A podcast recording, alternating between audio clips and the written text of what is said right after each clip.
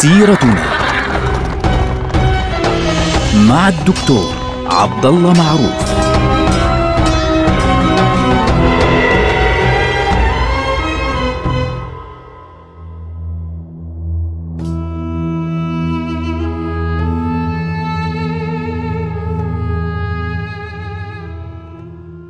السلام عليكم ورحمة الله وبركاته. سيرتنا سيرة هذه الأمة ونحن الآن في عهد الدولة العثمانية.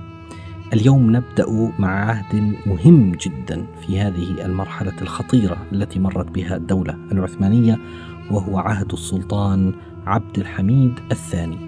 طبعا في المرحلة الأخيرة من حكم السلطان مراد الخامس كان قد وصل إلى مرحلة صعبة جدا لا شفاء منها خاصة لما جاء طبيب عصبي نمساوي وكتب تقريرا واضحا أن العافية البدنية من الناحية البدنية يمكن أن يستعيد الرجل عافيته خلال ثلاثة أشهر ولكن من الناحية العقلية من الناحية النفسية الصدمة التي أصابته بعد وفاة عمه بالطريقة البشعة التي مات بها السلطان عبد العزيز بقطع معصميه يعني فعليا كانت آه، قد بينت بوضوح أنه دخل حالة مزمنة من الاكتئاب لا يمكنه العلاج منها.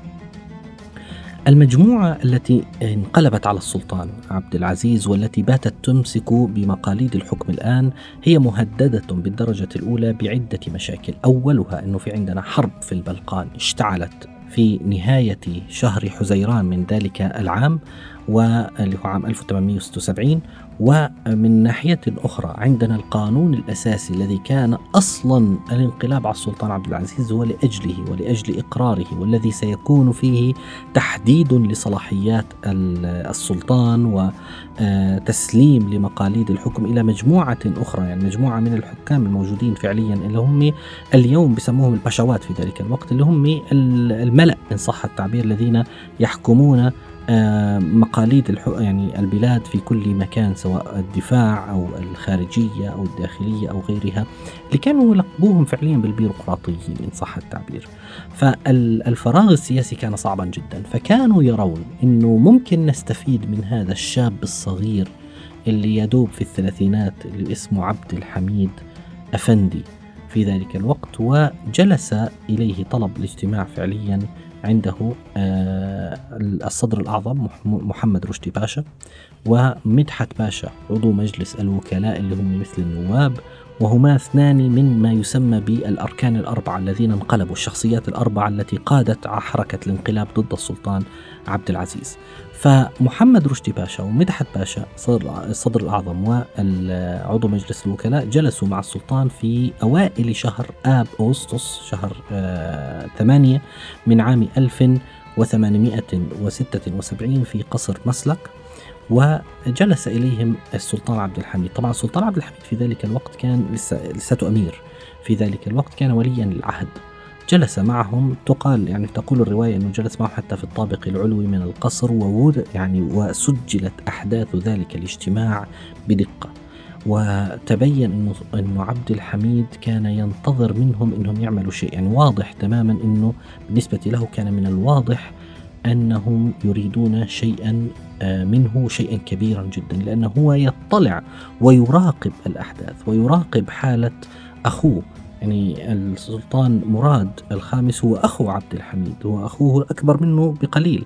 فبالتالي كان عبد الحميد يرى إنه مراد آه، لا يصلح للحكم وضعه صعب جدا. وفي نفس الوقت يرى أن هؤلاء هم المسؤولون أصلا عن قتل عمه عبد العزيز وهم المسؤولون عن الفوضى التي تدب في هذه البلاد وهم المسؤولون عن محاولة الالتحاق بالركب الأوروبي وتغريب البلاد بشكل عام حتى إنه كان يرى فيهم يعني متعاملين مباشرين مع الإنجليز. يعني لأنه الإنجليز كان من مصلحتهم فعليا آه، إسقاط عبد العزيز بسبب تقاربه مع روسيا. فكان السلطان عبد الحميد يعني بين هذه الأحداث كلها ينظر إليهم قبل أن يستلم السلطنة.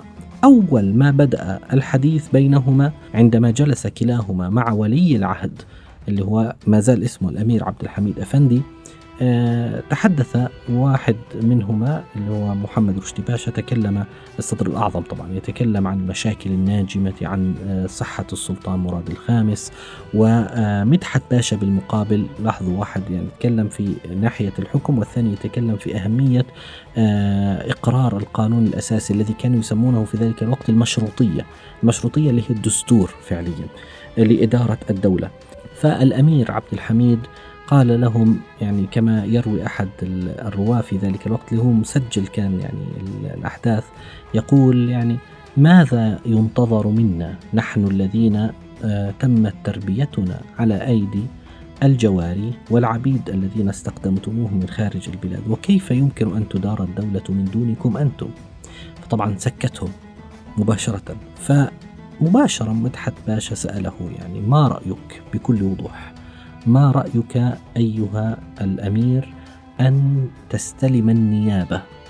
فالأمير قال يعني النيابة؟ ما هي النيابة؟ يعني أن تكون نائبا عن السلطان. لاحظ نائب عن السلطان في وجوده. لاحظوا هم يرون أنه إيصالهم للسلطان مراد فعليا إلى سدة الحكم وهو واحد محسوب عليهم يرون فيه آه، يعني انتصارا لهم. فلذلك لا يريدون خلعه يريدون النيابة. فقال له النيابة يعني هذه القضية لم تحدث أبدا في الأسرة العثمانية وفيها مخالفة كبيرة للشرع. لماذا؟ لأنه لا يجوز أن يكون هناك سلطان في وجود سلطان. لأنه أنا في بالنهاية سأكون سلطانا عندي سلطان ولا سلطانين؟ يعني مش معقولة. فلن أقبل ذلك إطلاقا مهما كانت الدواعي ومهما كانت الأسباب.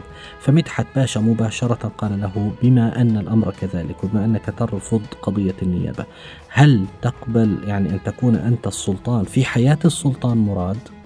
يعني معقول أن تقبل أن تكون سلطانا؟ يعني فهم أنه السلطان عبد الحميد يريد أن يستلم السلطنة بالكامل. ما بصير أنه أنت تسلمني النيابة وأخي موجود. فقال له هل ترضى أن تكون سلطانا وأخوك ما زال موجودا؟ يعني سلطانا.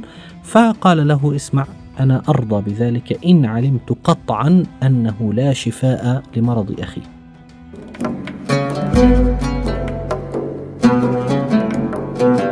إذا كان واضح أنه أخي الكبير يعني مرض مرضا لا يشفى منه فأنا أرضى بأن أستلم الحكم في وجود آه، أخي السلطان مراد الخامس فبدأوا يعني يبحثون في الأمر ويناقشون في هذه المسألة. و آه، يعني ناقشوا فعليا هنا وهناك آه، القضية وخاصة مع السفير الإنجليزي لأنهم ارتباطهم بالدرجة الأولى مع إنجلترا. كانوا يرون هذه القضية وكان هناك خوف يعني. ماذا ستكون ردة الفعل إذا خلع السلطان مراد الخامس بعد أن استلم الحكم ب يعني بثلاث أشهر فقط؟ كيف ستكون ردة الفعل العامة؟ فالأمير عبد الحميد مباشرة أرسل مجموعة من الرسل إلى السفراء خاصة إلى سفير إنجلترا كان اسمه إليوت. أرسل إليه يقول له اسمع أنا آه، أعلم يعني أن أنكم متخوفون من وضعي إن استلمت السلطنة ولكن لا تخافوا. أنا بالنسبة لي سأراقب ميزانية الدولة وليست عندكم مشكلة معي إطلاقا لأنهم لا يعرفون من هو عبد الحميد هذا. خافوا منه. ثم في نهاية ذلك الشهر زار مدحت باشا مرة أخرى الأمير عبد الحميد وقال له ماذا تفعل في حال خلع السلطان مراد الخامس؟ فالأمير عبد الحميد قال له ما عندي أي مشكلة. إذا خلع السلطان مراد الخامس واستلمت أنا السلطنة سأعلن القانون الأساسي الذي تريدون إعلانه اللي هو المشروطية أو الدستور الذي يريدونه لكي يخففوا هم ليش بدهم هذا الدستور؟ لأن هذا الدستور هو أقرب إلى الدستور الغربي إلى الدساتير الغربية وينتزع كثيرا من صلاحيات السلطان وبالتالي بتصير المسألة يعني فيها آه، إبعاد عن السلطات من يد السلطان مباشرة لذلك هم يريدونها فبذلك قال لهم أنا موافق على إعلان القانون الأساسي سأبقي على الموظفين الليبراليين اللي هم بين قوسين جماعتكم الذين عينهم السلطان مراد. آه، هؤلاء كلهم سأتركهم جميعا آه، في آه، حكمه. الآن نقطة أخرى. بعض الناس في ذلك الوقت أشاعوا أن السلطان عبد الحميد وافق على التخلي عن الحكم في حالة استعادة السلطان مراد الخامس لصحته وهذه المعلومة غير دقيقة على الأرجح. لأن السلطان عبد الحميد لن يضع نفسه في هذا الموضع لأنه بكل بساطة بيجي واحد بيقول إنه والله يعني السلطان مراد والله وضعه ممتاز وخلص انتهت القضية وبالتالي يخلعون السلطان عبد الحميد. لا أظن أنه وافق على ذلك. الذي يهمنا يوم الثلاثين من آب آه، أغسطس 8 عام 1868 اجتمع آه، اجتمع مجلس الوكلاء اللي هم النواب عن مناطق مختلفة في منطقة الباب العالي وجلس معهم الصدر الأعظم شرح لهم الوضع. آه، مدحت باشا عضو هذا المجلس بين أنه عندنا مشكلة مع الدول العظمى التي تريد منا أن نعقد الصلح مع صربيا يعني لأنه عندنا حرب في البلقان الآن. وصاحب القرار الوحيد بعقد صلح وإيقاف الحرب في البلقان هو السلطان والسلطان عاجز عن أي شيء. فبالتالي يعني نريد منكم أن تنظروا في قضية خلع السلطان. واتخذ القرار فعليا بذلك طبعا مباشرة آه، جلسوا في اليوم التالي مع الأمير عبد الحميد وشرحوا له هذه القضية وقالوا له بشكل رسمي لاحظوا الآن أن الحكومة آه، قررت أن آه، يعني تخلع السلطان مراد لأنه ميؤوس من صحته وقررت أن تعين ولي عهده في السلطنة بشكل واضح.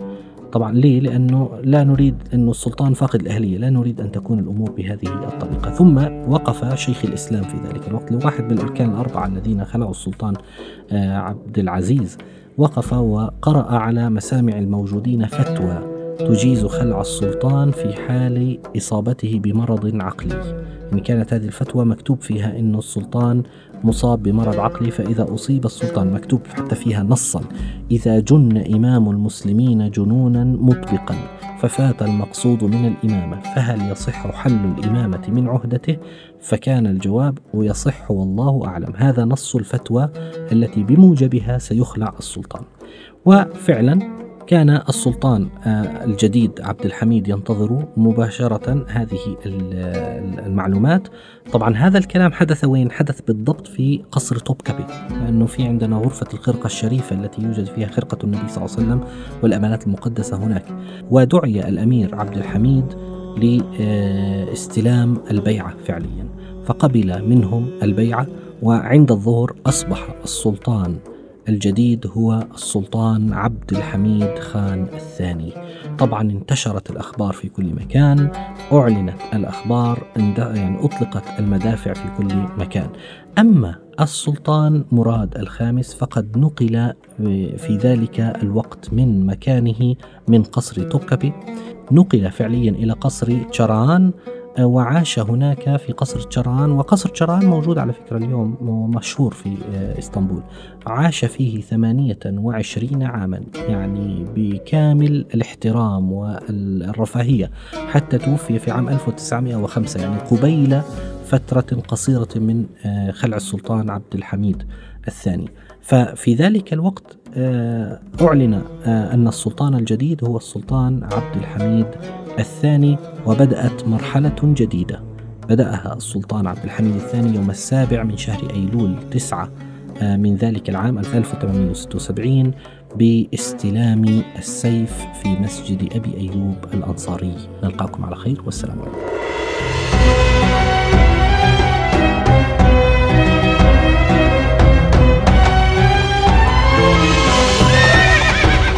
سيرتنا